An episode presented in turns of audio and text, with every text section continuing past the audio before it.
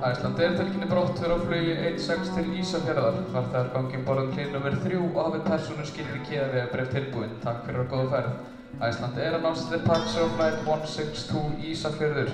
Passengers please board at gate number 3 and have your identification number.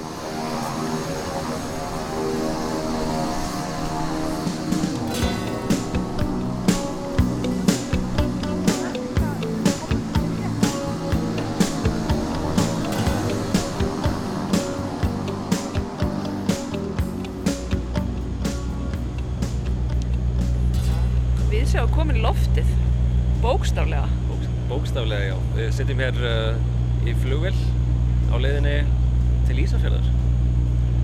Og það bara viðrar ágætlega til dasgrágerðar held ég. Tvö vinsti, þetta er bara nokkuð gott. Hvað segir Tómas, er þetta nokkuð flugrættur? Pínu kannski, það er svona aðeins byrjað að hristast en uh, meira bara eitthvað svona stress að þessi dagur gangi upp. Það er mikið prógram fyrir höndum og uh, uh, já, ef við kannski að fara yfir hvað við ætlum að gera. Já, gerum það. Við ætlum nefnilega að hitta fólk og vera á faraldsfæti ganga fram og tilbaka um Ísafjörð þannig að ég vona að viðri ágætlega á okkur við ætlum að byrja á því að við reyndar við verum sótt á flugvöldin sem er mjög skemmtilegt um, það eru tvær konur sem að hafa reykið hverstagssafnið á Ísafjörði undan farin átta ár held ég það er heita Björg Sveinbjörnsdóttir og Væta Brasonæti og það er að taka mót okkur á vellinum og vonandi fara með okkur á rúndin og svo ætlum við líka að hitta fleiri fólk. Já, við ætlum aðeins að kannski rölda neyri bæ og, og, og skoða jólaskrautið sem er svo mikið búið að tala um undanfarnar daga. En við ætlum að koma við síðan annarkort í Tangargötu á Aðalstræti og hitta fyrir uh, Eirík Örn Nordal, rithöfund, og ræða við hann um Ísafjörð. Uh, hann skrifaði greina fyrirmyndafjörður í uh, bókina sem kom út nú á dögunum heitir Menning við Ísta haf.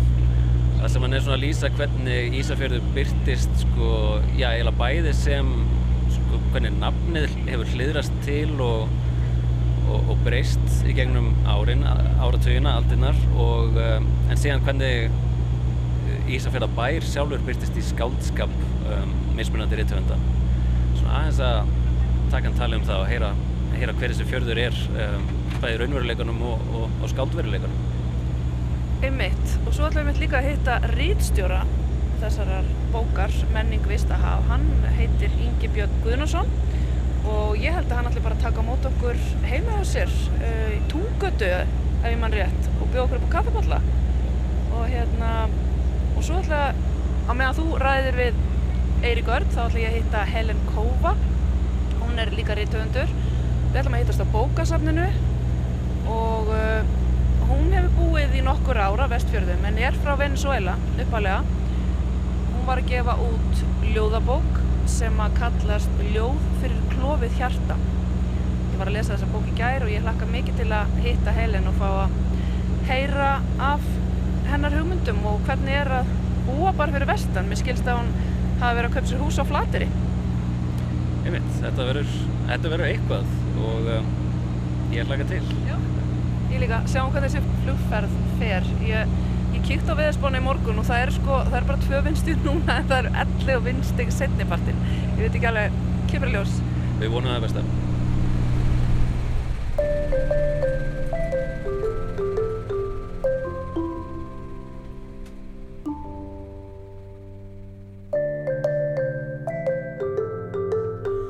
Jæja, þá eru komin, við sjá komin í annað faratæki, við erum ekki lengur í flugvélinu, það er aðeins betra hljóð hér og við vorum svo heppin við Tómas að hverstagsafnið kom bara og tók á mót okkur og ætlar að koma okkur á rúndin, kannski bara best að þið kynnið ykkur, er það ekki?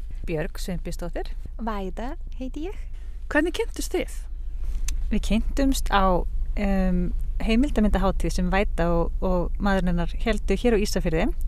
Sjónræðni kvikmyndagerð, viltu segja? Já, Svona það var já. svona NAFA hétt það hátið og uh, já, Björg kom uh, í svona uh, til að kynna verkefni hennar og við hittumst og eftir bara nokkuð stutt eftir hún ákvaða að flu- flytja til Ísafjörðar og svo byrjum við að tala saman og uh, við líka eignum börn og á, á, á bara mjög svona studentíma uh, og við hittum mjög oft og tölum um mannfræði og list og alls konar hugmyndir og þá kom hverðasafnið.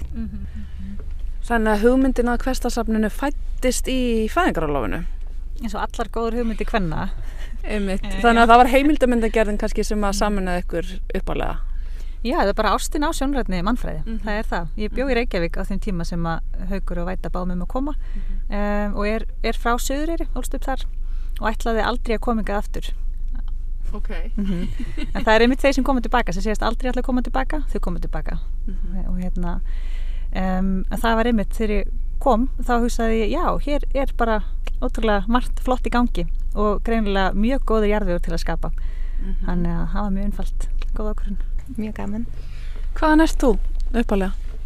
Ég er frá Litáin. Já. Þannig að þið eru rauninni báðar aðfluttar þó þið komið svona mislangt að. En Suðureyri og Utina, eða Utina, uh, bærin sem að væta kemur frá, þau eiga samt margt sammeðilegt. Þetta er bæði svona, svona verkamanna bæir, eða þið veitir, og báðir hérna frá svona ólíkum áttum voru svona, já, vorum svona með hvað, hérna, byggðar óryggi sem er svolítið skemmtilegt, þannig að við tengdumst á mörgum öðrum hérna levelum heldur en bara í þessa ást á á hversteginum, komist að því líka. Þannig að, gaman. En þá að þessari ást ykkar á hversteginum og svona þessari hugmynd ykkar að, að færa hverstegin inn á sapn og bara svona setja hann fram sem eitthvað dýrmætt sem hann er. Kannski bara svona örstuðt, við höfum nú áður fjallað um hverstasafnið við sjáum, mér langar samt til að þau rifja aðeins upp fyrir hlustundum hver kjarni hugmyndana er. Já, við hugsaum það alltaf um svona kjarni okkar er tengsl. Við erum að tengja sömnum sögum og svo líka tengjum bæði með þá sem við erum að safna frá og með þá sem eru að fá að lesa og upplifa þessu sögu. Svona, þetta er svona það sem tengist er svona um, kjarni okkar. Já.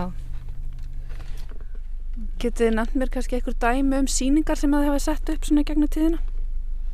dæmi uh, fyrsta sýningin okkar er kannski eða síðasta sýningin, fyrsta og síðasta fyrsta sýningin er gott dæmi því að þá settust við niður með um, fólki á svæðinu og flettum í gegnum fjölskyldu myndalbum og spjöllum bara og tókum upp samtalið mm, og síðan eftir að, uh, eftir að þau við hlustum og þá náðum við svolítið svona sögunni sem fólk var að segja kringum hverju eina mynd og settum það saman þannig að það var að ná svona kjarnanum í upplifuninu, upplifun fólks og svona þessari sjálfsnarratífi sem fólk hefur af sjálfu sér og fjölskyldinu og samfélaginu. Og síðasta sýningin okkar þá hérna fórum við hinringin og ákvaðum að sapna uh, svona sögum frá gestum okkar sem er aðalega farþegar og bara hérna skipa farþegar og fólk sem kemur einn vegum.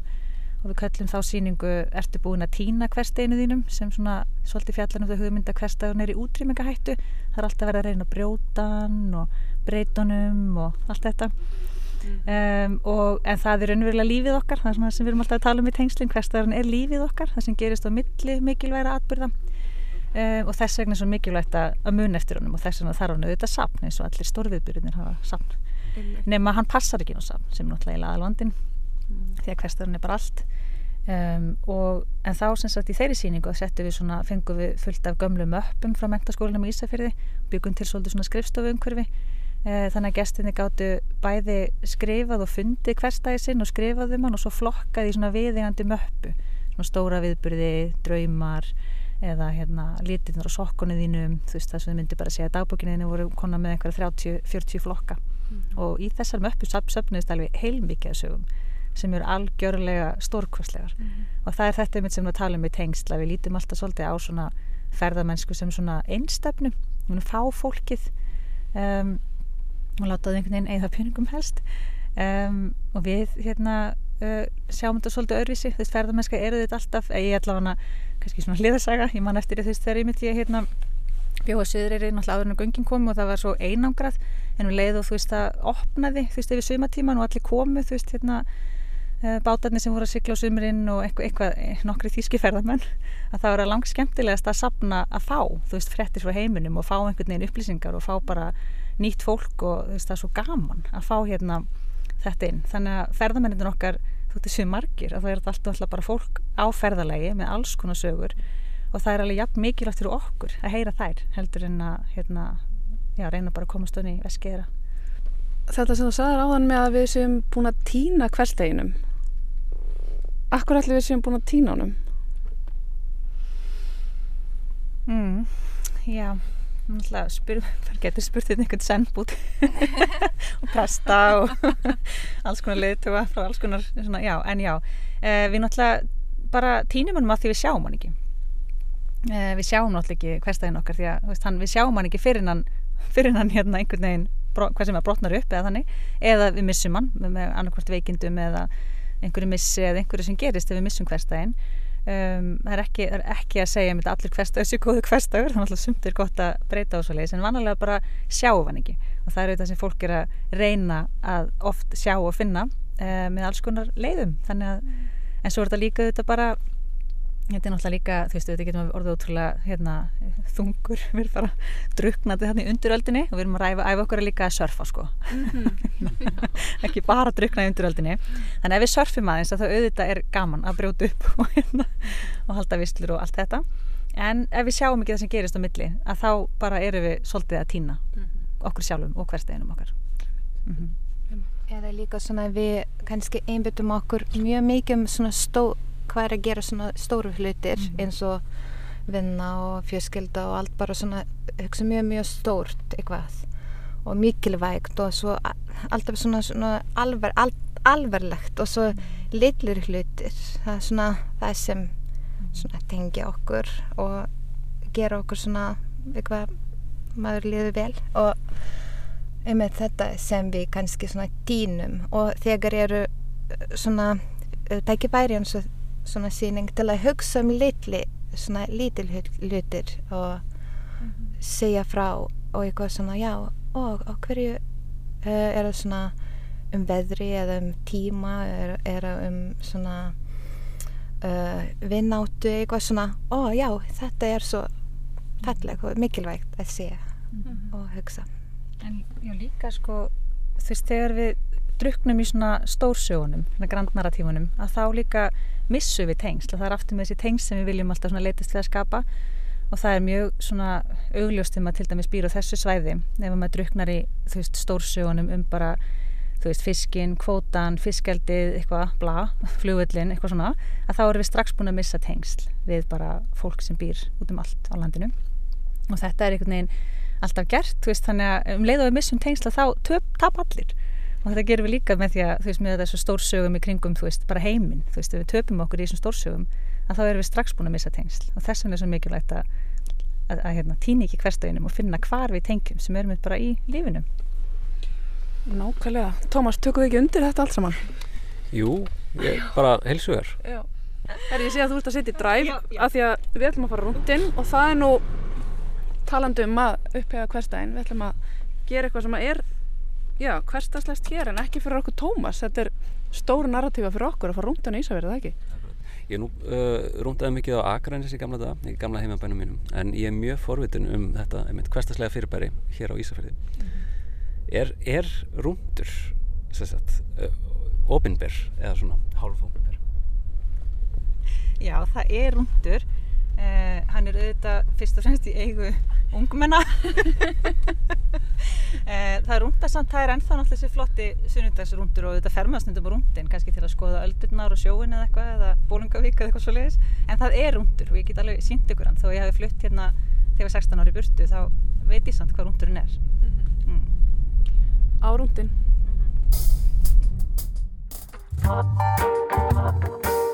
mm.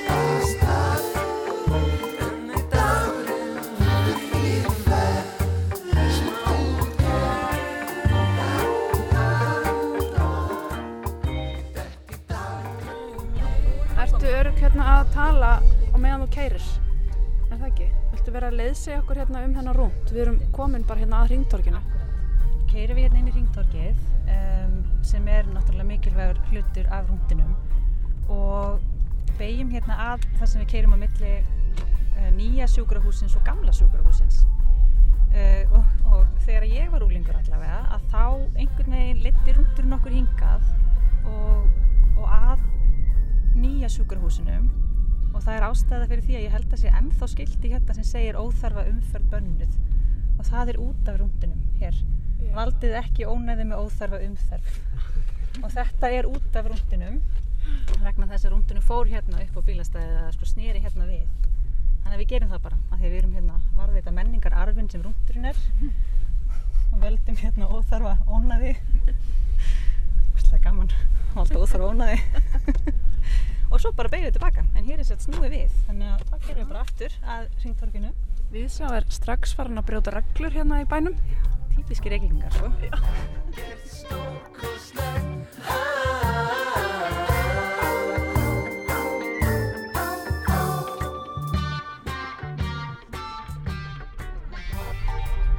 uh, geisladisk með tónlist eða eitthvað í næsta bíl og maður líka, já, ég held líka fólk sé að reyna oft eða allavega þá, nýjönda áratunum fólk að reyna að komast inn í hinna bílana var það þannig á Akureyri, Tómas? Já Um, já, það voru svona tveir staðir kannski sem var hægt að stoppa og, og spjalla og, og þá kannski einmitt skipta um bíla, reykja síkaretur í laumi og allt það.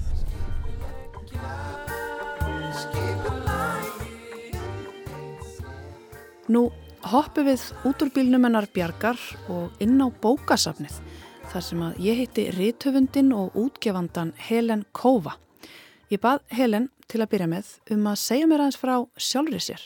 Já, e, þá, ég heiti Helen Kova, ég er rítuvendur, ég fætist í Venezuela en ég býr núna hér á Flatteri og hérna ég kom fyrst til Vestfjörða til að skrifa e, fyrirbóku mín sem heitir Sjálfsátt og ákvaði bara að halda fram að vera hér, þetta er bara svo falleg og, og æðislega að búa og öðruvísi að búa á Flatteri Um, og það er svona svo ekstrím líka meðan, þú veist, ég, sagði bara ef ég ætla að vera á Íslandi þá ég ætla að vera í svona alvöru Íslandi.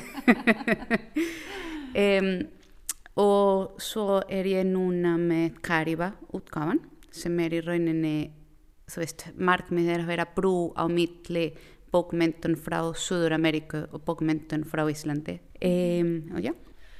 Það er eitthvað mjög fallegt við að það sé útgáfa sem heitir Kariba og, og hún er staðsett á, á Flateri. Já, sko Kariba þýðir, um, þetta er svona nafn að frumbyggja hópur frá Karibíska hafið sem heitir Los Caribes eða The Caribes. Og Kariba hafið dregur nafnið út af þessi hópur og hérna Kariba er í rauninni nafnið af hóp, eða þú veist íslenska nafn af þessu hópu þá og afi mín e, pappa, pappa, hann var úr þessum hópu líka.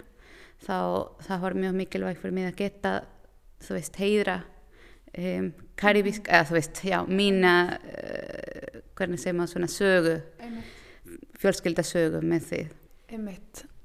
Fyrsta bókin, Sjálfsátt, þú skrifar hann á ennsku en hún er þýtt af Helgu Sofju Einarstóttur yfir á íslensku. Og þetta er bók sem að þú skrifar þegar þú ert nýkominn til vestfjörða og, og þú skrifar hann á mjög stötnum tíma og þú varst ekki eins og vissum það þú ætlaður að skrifa hana, er það ekki satt?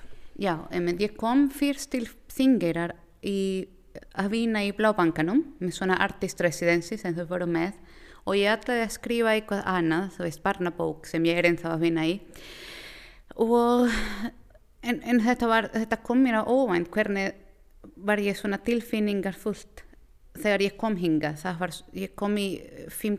januar og það var svo mikið snjó og það var svo, svo dýmt og svo mikið myrkrið í kringum mig að, að þetta bara kom allt einu, þetta var út af þessu talaði ég mjög mikið um, um þú veist, magan og, og éta og allt þetta, þetta var svo mikið líka með tilfinning, veist, þetta var eitthvað sem kom frá, frá ínan.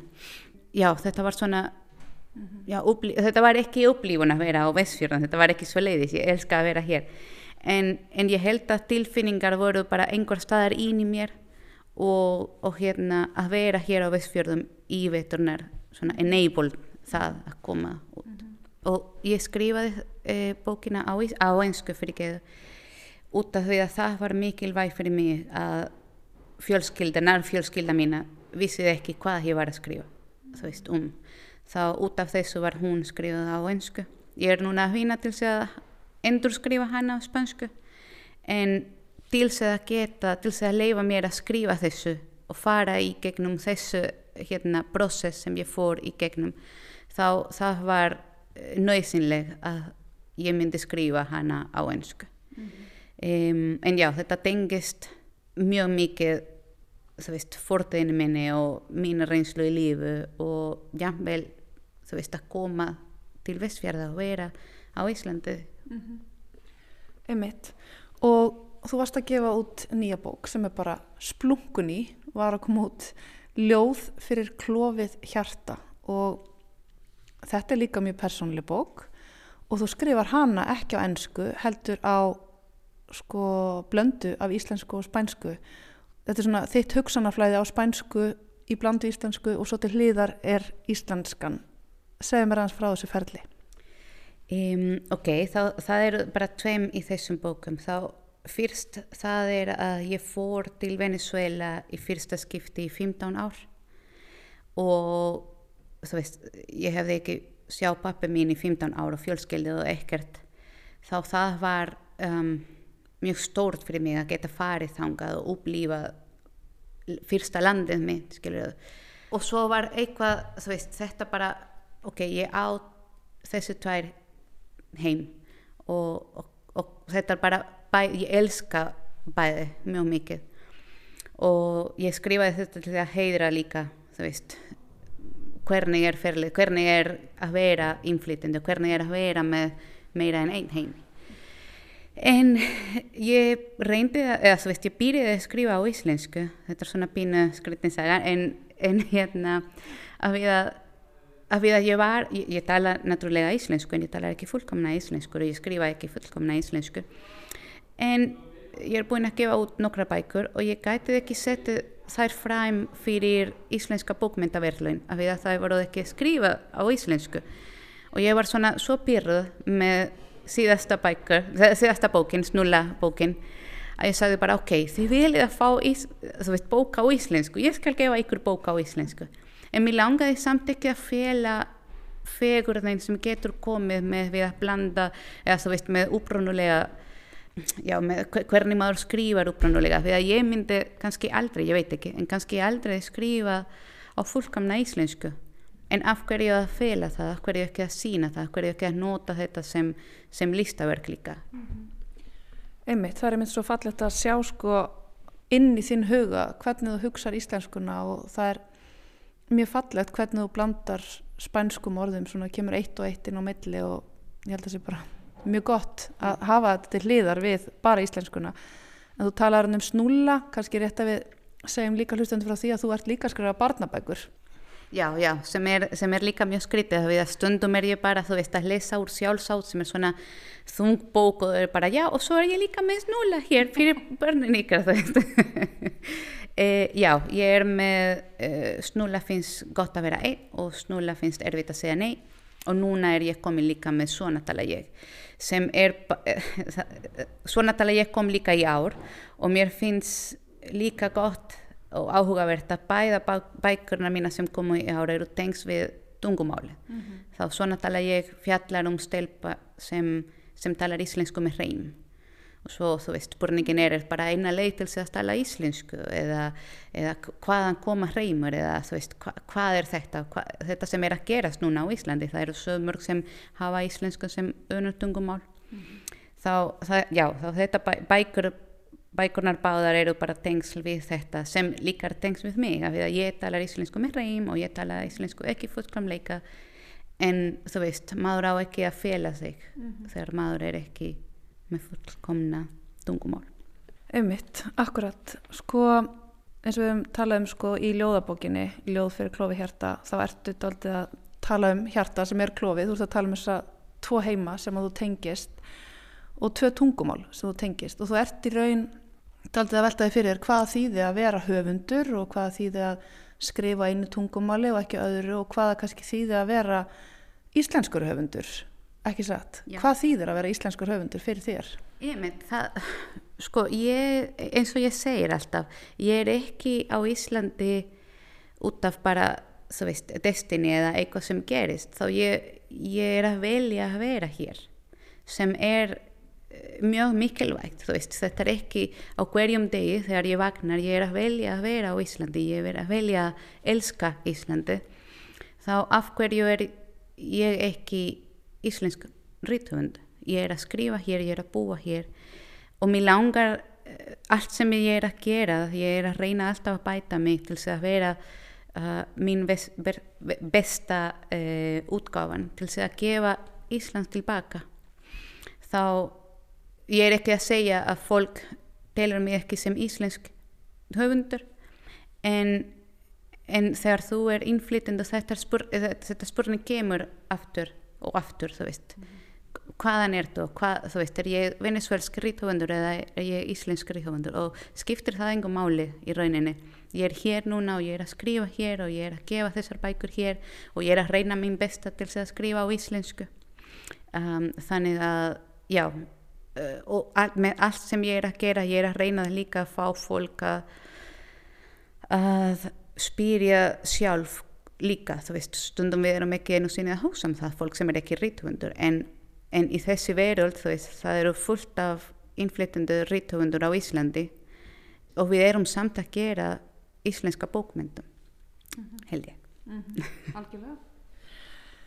Auðvitað og við veltum oft fyrir okkur hvaða er sem að móti listamenn, hvaða er, er það umhverfið, er það tungumólið, hvað, veist, hvað er það sem að mótar okkur, nú býrðu hér og þú talar um það að sjálfsagt hefði sprottið í rauninni upp úr þessu umhverfi sem að þingari og myrkri það var.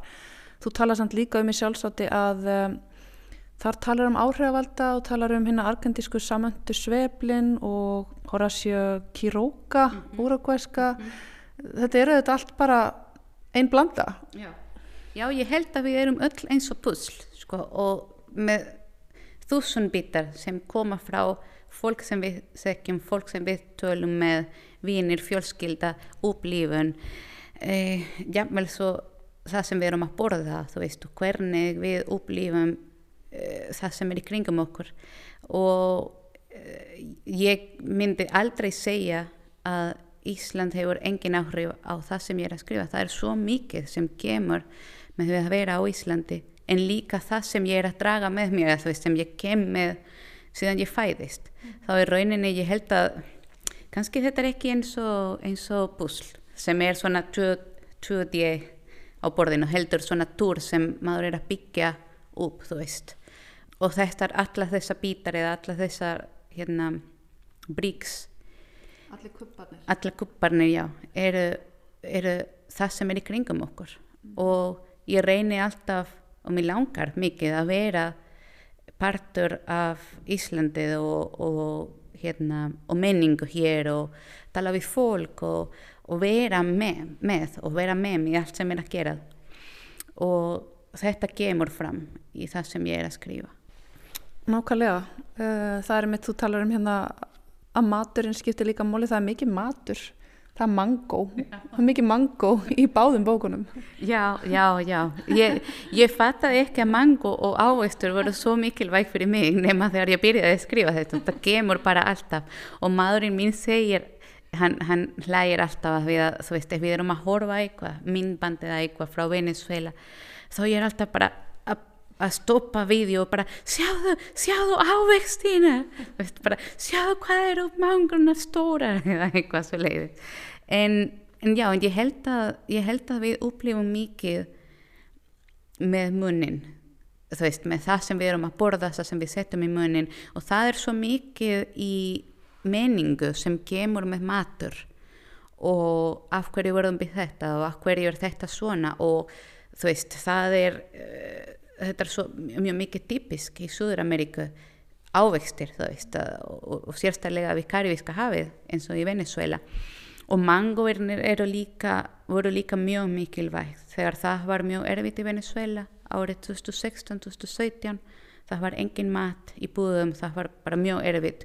Og svo voru mango, mang, mango trjá, trjánum fullt af mango, þú veist, og fólk bara borða svo mikið mango og það voru svo, svo staklátt með við að hafa alla þessa mango trjánum að mangornir, mangoarnir voru í rauninni að bjarga lífum í Venezuela um, þá ég held að þjóðarlega mangoi er mjög mikilvægt í Venezuela og í allt Suður Ameríka. Það er alltaf eins og fiskurinn hérna bara. Já, al, einmitt, akkurat, akkurat.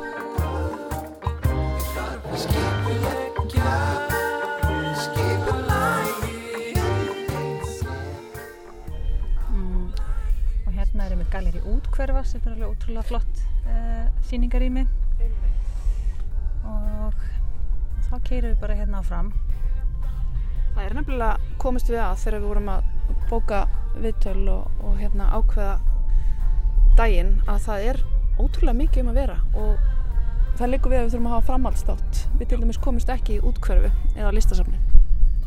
Nei, akkurat, það er alveg ótrúlega mikið að gera hérna. Það er bara oft þannig og nú segi ég þetta alveg án alls kala en það er, það er mjög algengt að menning og list sem að uh, gerist fyrir utan Reykjavíkusvæði hún lendir á svona, á svona undarlegum svona, svona undarleg heita einhvern veginn þætti í menningunni. En sjáu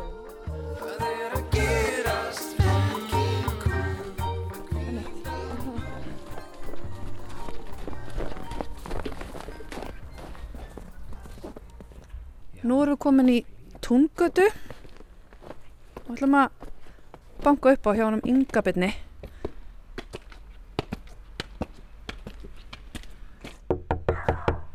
Wow, hundur. Það er hundur. Kemur hann. Góðan dag, komið þið sæl. Blessaður og sæl. Velkomin. Já, takk fyrir. Hvað er? Hver er þetta? Þetta er hún, þetta er hún Bella, hún er í pössun hérna.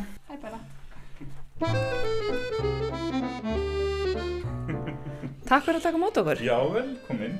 Við ætlum að fá að heyra allt um sköpunarkraft vestfjörða. Já, hún er dig, eitthvað, við getum spjallað um það. Ha. Kom okkur fyrir. Gerum það, endilega. Hm, Gangi í bæinn.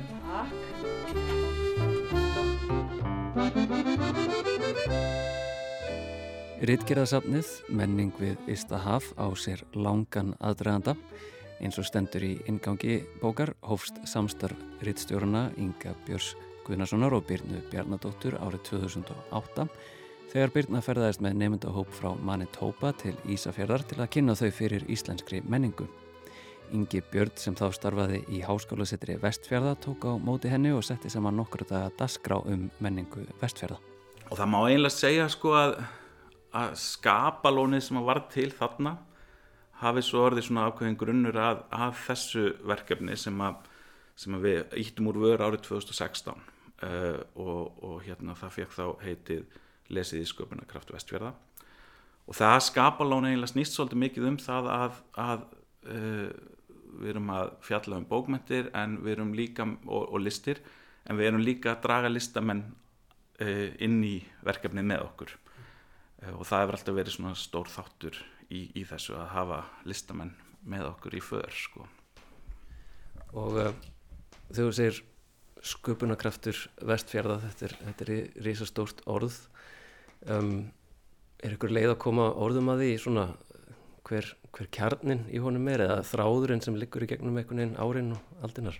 Ég held að það væri mjög erfitt að, að gera það uh, hérna og, og þá, ég veit ekki, það væri kannski ekkit áhugavert, þá væri þetta einhver flöð lína en ég held að þetta séu svona hlikkir og, og hérna toppar og dalir og ímislegt en sko þannig árið 2016 þegar við leggjum draug að þessu verkefni þá, þá hérna svona höfðum við átt náttúrulega ótal samtölum við Byrna og hérna og við höfðum einhvern veginn svona rekið augun í það að við teljum og ég held að það megi alveg færa nokkuð góð rauk fyrir því að ótrúlega mörg af leikil uh, bókmentaverkum í íslenskri bókmentasögu eiga rætur hingað vestur á fyrði eru þá annarkvort bara beinlinni skrifuð hér eða, eða, hérna, eða þá fjalla um svæði, nota svæði sem innblástur og, og, hérna, og við fórum að telja þetta svona saman og, og þannig eiginlega verður verkefni til. Og okkur langaði að markmiði hjá okkur hefur alltaf verið að vekja aðtikla á þessu þessu sem við teljum almenn sannindi og, og skapa umræðu um, um það líka þannig að ég veit ekki, sko, þráðurinn er kannski bara það að það er ótrúlega mikil sköpunarkraftur sem, a, sem að tengist, tengist svæðinu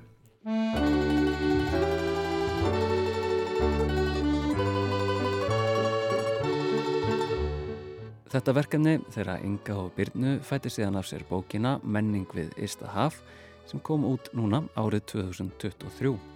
Verkið tilenguðu þau Eiriki Guðmundsinni heitnum sem hafi komið að verkefninu frá árinu 2016. Og það er kannski eitt sem er alveg gaman að tala um í sambandi við þessa bók. Hún er kannski ekki svona hefðbundin fræðibók. Uh, hún hérna, það eru vissulega sko vísindarlegar og, og, og fræðilegar, strángfræðilegar greinar í bókinni, margar en, en svo eru hérna líka greinar eftir reytöfunda og, og fleiri sem eru svona maður segja, essayur eða þannig og hérna og svona því ég var að hugsa, horfa yfir efni, efniseyfilitið einhvern tíman um daginn og hérna og þá var ég myndið að hugsa hvaða er, er gaman að það séu svona eins konar skáldskaparfræði höfunda í þessari bók. Ég held að ég sakna þess aðeins úr, úr sko, íslensku bókmyndalífi að höfundar setjast niður og, og, og skrifi svona, svona um verksín eða ekki endilega um verksín eða um skáldskapafræði einlega sko á einhvern nátt og, og hérna og ég var svona já mjög ánaður þegar ég áttaði mig á því að þessi bók er kannski svona pínlítið hérna, innlegg inn, inn í það. En nú, nú er bókin komin út. Uh, er verkefni eða það er gangi? Um, heldur rannsóknin áfram? Já, það er góð spurning. Sko ég, ég, ég, ég vona allavega að bókin hafi þessi áhrif sem við ætliðum í upphafi að, að hérna, skapa eitthvað samtal um, um þetta efni uh, við erum ekki alveg hægt uh, þannig að það, það getur vel verið að það hérna, komi eitthvað, eitthvað meira, meira út úr þessu. Uh, og mér finnst það meira þess að freka líklegt. En, en svo kannski líka eins og gerist oft sko þetta er nú svona með hérna með bókmentasögu sko ekki það að þetta sé bókmentasaga beinleins en þegar bókmentasagan er skrifuð sko eins og þið munið hérna fimmbinda bókmentasaga íslenska sem kom út að þá kom í ljós alls konar gloppur. Og hér er náttúrulega er fullt af gloppum og vonandi hérna hvort sem það verður við sem að ítum því á stað eða, eða einhverjir aðrir eða, eða hvað að vonandi verður fyllt upp, upp í þær og og það rópa margir upp fyrir sig. Af hverju er ekki hérna, svartfugl eftir Gunnar Gunnarsson? Hérna, af hverju er ekki grein um svartfugl? Svo dæmis ég tekið sko. uh, þannig að hérna, þannig að já ég, ég veit ekki, það, það bara kann vel að vera að þetta, þetta haldi, haldi áfram Þeir eru búin að allavega svona opna á það en uh, við ætlum að kannski díu okkur aðeins ofin í þessu bók uh, við ætlum að hitta hann Eirík Örn Nordal og ræða um fyrirmyndafjörðin Ísafjörð Ingi Björn Guðnarsson, takk lega fyrir spjallið. Takk fyrir komuna. Takk.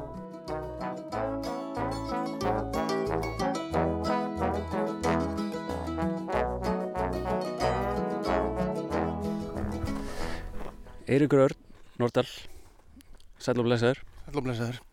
Gaman að segja þið hér á röldinu í, á Ísafjörði. Já, sömulegis bara. Mismæltum við næstu því í á Ísafjörði. Hefur þið skoðun? Uh, á Ísafjörði, svona yfirleitt allavega held ég. Hérna, það, er, það er verra með Bólungavík sko. Það er það miklu harðara sko. Maður má ekki segja á Bólungavík. Okay. Ég held að Ísafjörðingum sé nú. Það fer, svolítið, eftir samhengi sko. Gott, gott að vita. En uh, þú skrifaður grein í þessa góðu bók Menningu Eista Haf, grein sem nefnist uh, fyrirmyndafjörður. Og ef ég mann rétt, þá hefst hún á kvóti mm -hmm. úr Jóni Kalmanni um fjöllin sem slá mann eiginlega í höfuði þegar maður kemur út úr flugvilinni og ég verði að segja að það, það stendur eiginlega heima, þessi fjöll eru rosaleg. En uh, þessi grein, hún er að tala um Ísafjörðu og, og hvernig það kannski byrtist í skáldskap en líka hvernig nafnið hefur svona færst svolítið til. Um, þess, þessi staður hefur ekki alltaf heitið Ísafjörður eða? Já, þetta byrjar að ég er nú að útskýra þetta að sagt, hérna, þetta náttúrulega er eiri í skuldilsfyrði þetta er gömul kirkjujörð og löngaðan þetta verður bær. Og svo þegar Ísafjara vestlunum kemur þá er hún kend við sko, Ísafjara djúb í raun og voru og það festist við bæinn og Ísafjara djúb hér líka allt, djúbið hér Ísafjörður og fyrðirnir inn á hann hér Ísafjara djúbin og svo hefur þetta sagt, náttúrulega hafa verið hérna, Ísafjara síslur hérna, vestur Ísafjara sísla það var engin Ísafjörður í henni raun og voru en hún náði alveg að lokinhömrum og hérna þannig að það er sagt, þetta nafn hefur, hefur raun og veru tengst alveg miklu starra svæði heldur en bara bænum. Og það má segja sagt, hérna, að uh, fyrir kannski svona hundrað árum að þá var, hérna, var þetta áhrifasvæði þessara verslunar sem var hérna það var einhvern veginn allt undir þessum, þessum ísaferði En, en þessi grein kannski, einmitt, fjallar, fjallar meiri hlutunum um það hvernig um, Ísafjörður og, og bærin þá uh, byrtist í innan bókmenta og, eða skaldsagna aðalega. Hver, svona, já, hver er svona skaldskaparmynd uh, Ísafjörðar í, í svona víðu samhengi, myndur þú segja? Uh, í víðu samhengi þá er það, sagt, það er algengast að Ísafjörður og raun og veru einhverju litið bara landsbyðin hérna, standi fyrir fortíðina. Og þá ímist sko er það sögur sem er hreinlega gerast í í eiginlegri fortíð en svo hérna, geta líka verið sögur sem gerast í nútímanum þar sem fólk er að það fer aftur til, til sínt heimabæjar til þess að eitthvað uppgjör eða, eða, eða eitthvað þannig. Og, og svo sagt, hérna, er líka mjög ábyrgandi í sögum sem gerast hreinlega í svona venjulegum samtíma það verður svona frekar svona nostalgísk vitt yfir öllu, það verður einhvern veginn hlutinni verða pínulítið meira gammaldags sem er svolítið skrítið stundum fyrir manni sem er hérna sem bara býr hérna. Að verða einhvern veginn svo það sé, það sé stundum að það fer inn í skáld, skáldskap og þá sé maður farin 20 ára aftur í tíman sem að gerist ekki að sama marki hérna í, í borgarsögum, getur við sagt. Og síðan þessi svona tilgangur, hvað, hérna, hvað tilgang hefur raun, þorpið í íslensku skaldskap. Eh, þú ert búin að nefna um þetta, þetta sé svona að koma aftur til landsbyðar en svona ef við myndum kannski að horfa til framtíðar um, hvað er þorpið, eða hvað, hvað getur þorpið orðið? Sko þorpið hefur náttúrulega, náttúrulega veist, hefur alltaf, alltaf verið að breytast mjög hrætt og mikið í raun og veru þó þessi eins og Ísafjörður til dæmi sem er uh, sem er jafnstór núna og var, fyrir hundra árum að þá hefur náttúrulega samt hérna, hérna orðið stórgóðslegar breytingar og bara í, í, í minni lífstíð að þá náttúrulega gerist þetta sem að, að þorpið er ekki lengur þessi einangræði staður sem það var vegna þess að hérna, þegar ég er að alast upp og, framundin það ég er að verða fullorðin maður þá er til dæmis hérna, er ég bundin við að lesa það sem er til á bókasamlunni hérna. það er ekkert til neinar bækur það er ekki til í bókabúðinni hérna, það er ekki til í bókasamlunni hérna, þá bara les ég það ekkert og sérstaklega ekki við, manna, fólk fór bara til dæmis ekki yfir veturinn en nema í undantekninga tilfellum en svo breið, hefur það náttúrulega gjör breyst. Þannig að, að hérna, þetta þorp eins og fleiri eru kannski bara orðin að veist að, það, já, þetta með að hérna, já, þessi, þessi einangur, hún er einhvern veginn hún ásir ekki stað lengur. Hún bara maður einangurast ekkert meira hérna heldur en maður gerir í raun og veru hvar sem er annar stað í heiminum einhvern veginn, við erum bara öll tengd. Um, Já, það fara inn. Fyrir minn. Spara spurningunum En já, þú hefur nú skrifað svolítið sjálfur um Ísafjörð, það eru tvær bækur til dæmis brúin yfir Tangagötuna og, og Náttúrulögmálinn, uh, nýlega bækur. Þar sem þú ert uh, innanbæðar já, í nútímanum og síðan 1925 hvernig finnst þér að skrifa um þinn heimabæ og, og, og hvernig verður Ísafjörður í þínum bókum? Sko ég, það gerist, ég hef voru fyrst hérna þegar ég er að skrifa ílsku fyrir alveg hérna heil í mannsæfi finnst mér stundum. Að, að þá sérst er kapli í henni frekar langur hérna, það sem, að, sem fjallar um æfi nýnarsistans Arnórs. Það er í fyrsta skipti ég skrifa eiginlega bara eitthvað um þessi verð og ég hafði svona haft hérna, ekki, í raun og veru ekki viljað það. Hann hafði staðið mér of nærri en svo þess að það sem ég gerði þarna var það að vegna þess að Arnór stóð mér svo fjari vegna þess að hann var nýnarsist og mér varstu erfitt að sympatisera með honum, mér varstu mikilvægt samt að ég myndi sympatisera með honum að hérna, ég myndi sjá eitthvað í honum að þá til þess að draga hann nær mér að þá setti ég hann á Ísafjörð. Þannig við ættum eitthvað sammeilagt og ég gæti ekki þú veist, ég, ég hugsaði oft um hann eins og hann væri stóribróðir minn einhvern veginn að hérna, ég, ég, þú veist, ég þyrti bara að takast á við að hann væri þessi gallað mannverð sem hann væri vegna þess að hann væri einhvern veginn hlut af mínu lífi. Og þegar ég gerði það að þá þú veist, fóru einhver bara tannhjól að snúast innan í mér og, hérna, og eitthvað, eitthvað að malast með það ég fór að hafa meiri, meiri áhuga á þessu og næsta bók þar á eftir heimska sem að gerist í framtíðinni hérna gerist líka öll á Ísafjörði. Ég veit ekki alveg hvers vegna en hérna hvernig hann byrtist er sennilega er það nú af bara talsverðri væntumþykju held ég sem ég skrifaði um Ísafjörð. Ég er stundum með mótþró við væntumþykjuna í sjálfum mér bara með almennt hérna þegar ég, þegar ég er að skrifa vegna að mér finnst ekki endilega bókmynd, litur bókmyndana sé bara að þú veist umfaðma og, og þykja væntum sko. Þannig að hérna að það er einhver tókstreita þar. En svo hefur mér kannski fundist hún spennandi að, að, að miðla málum þarna milli þess sem ég vil þú veist elska og, og, og gaggrína eða, eða hérna eiga erfitt með.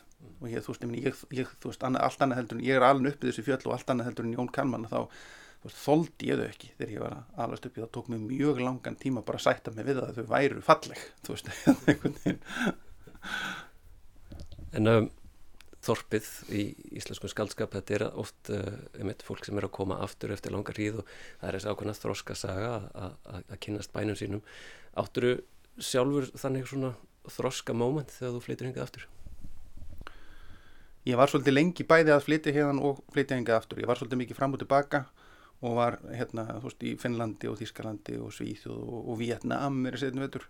Og einhver tíman á því, þú veist, einhver tíman á þá bara milli, milli, ég veit það ekki, sent á þrítusaldri og, og, og snemma á færtusaldri þá, einmitt, þá, þá, fór ég einhvern veginn að hérna að óþól mitt fyrir ekki bara Ísafjörði heldur bara öllu íslensku. Ég kannski bara hreinlega var það við að skrifa ílsku að hún fer svo rosalega mikið inn í þessa hérna, hérna, þjóðnistefnuna og allan þjóðrempuna og þú veist hérna og hluti sem ég voru bara búin að vera að gera mig vittlusan frá því að ég var einhvern veginn 15 ára að kannski var það bara einhvers konar katharsis að, sem ég gæti komið út úr hinum einn og, og samt átta mig á því að þetta væri nú það var nú kannski ekki allslemt Hvernig var rúndurinn þegar þú varst yngre hér á Ísafjörði? Svo í, í mínum kreðsum þá var það mikið farið í raun og veru svona alternatíva rúnda þá var verið að fara, fara hérna þú veist ég fór einu svona rúndin með, hérna, með geira vinni mínum nýra á höfn og þá keiriði á podlur og hann keiriði hann setti bara stýrið alveg í botn og svo keiriði við í ringi hérna ofan í podlin þanga til að podlurum var orðin þurr. Þá var hann búið svona að dreifa almenna úrunum og hérna þá var hann kannski svona yktasta yktasta dæmið. En svo var hérna þú veist verið að reyna að fara einhverjar aðrar leiðir heldur en venjulega. Því hérna við hérna við vorum ekki sömu venjulegu söðirnir og hinnir á rúndunum það voru allir á rúndunum það var allt, allt lífið var á rúndunum á þeim tíma sko, við rúndum ennþá í dag sko, við hittumst reglulega og förum eitthvað og, og keirum þá einhverja skrítnar yfirlt Fyrst er rúndurinn hafa nignað eitthvað með árunum? Já, það verður fækka svolítið ég held, sem, ég, ég held að hérna, minn vinnahópur sé eina fólki sem ég veit um sem fer á rúndin sko. Er það hækandi bensinverð eða lofslagsbreytingar?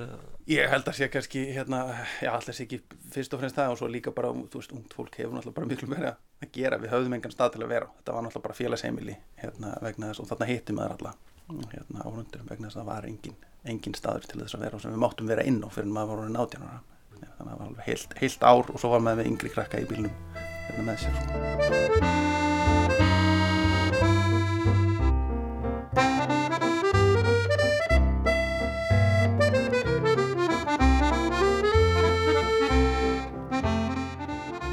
sjáu þið, nú erum við hérna komin að fagganum þetta er svolítið skemmtilega þess að með það er eitt bíl hérna, svarti bíl á fagganum og nú getum við stoppað þar, þetta er faggin okay. eh, og hann ber það fagra nákn vegna þess að hér stoppaði fagranessið sem var tjúbbáturinn og hér sem sagt stoppa maður og spjallar og hér, ég sé fólk ennþá stoppa hér, ég hef aldrei gert það en það stoppar og svo dregur hann í rúðuna og spjallar eh, og þá hugsa ég alltaf, vá, hvað eru vákætti flott Þannig að þetta er í fyrsta sinn sem að þú stoppar hér á fagganum? Já, ég hef aldrei stoppað á fagganum. Eða opna gluggan og segja hæ við hann? Já. Blessaður sæl. Hvað er þú að gera hérna á fagganum? Við erum að gera útastátt, að þú ert til að segja mér, tala eins um mig. Sér þá, heyri. Nú, ég er nú bara svona tímajafna. Ég er í vinnunni minni og er að býða eftir næsta túr. Ég sem starfa við að aka fallaða og aldraða eins og kannski sérð á merkjum það er nú það sem ég er að gera þessa stundina Emmitt, þannig að þú ert búin að þér að borða og ert bara svona að slaka á Já, það má eiginlega segja að það var smá forréttur ég á eftir að borða hátísmöttin en uh, já, það er eitthvað svolítið bara að slaka á. Já, já, hér er gott að búa og gott að vera hér á Ísafjörði Er eitthvað eitt sem að vantar á Ísafjörð? KFC Kentu ekki fried chicken Þetta var bara það fyrst að koma upp í hugan Já, það er alltaf best að vera einlegaður Takk einlega fyrir þetta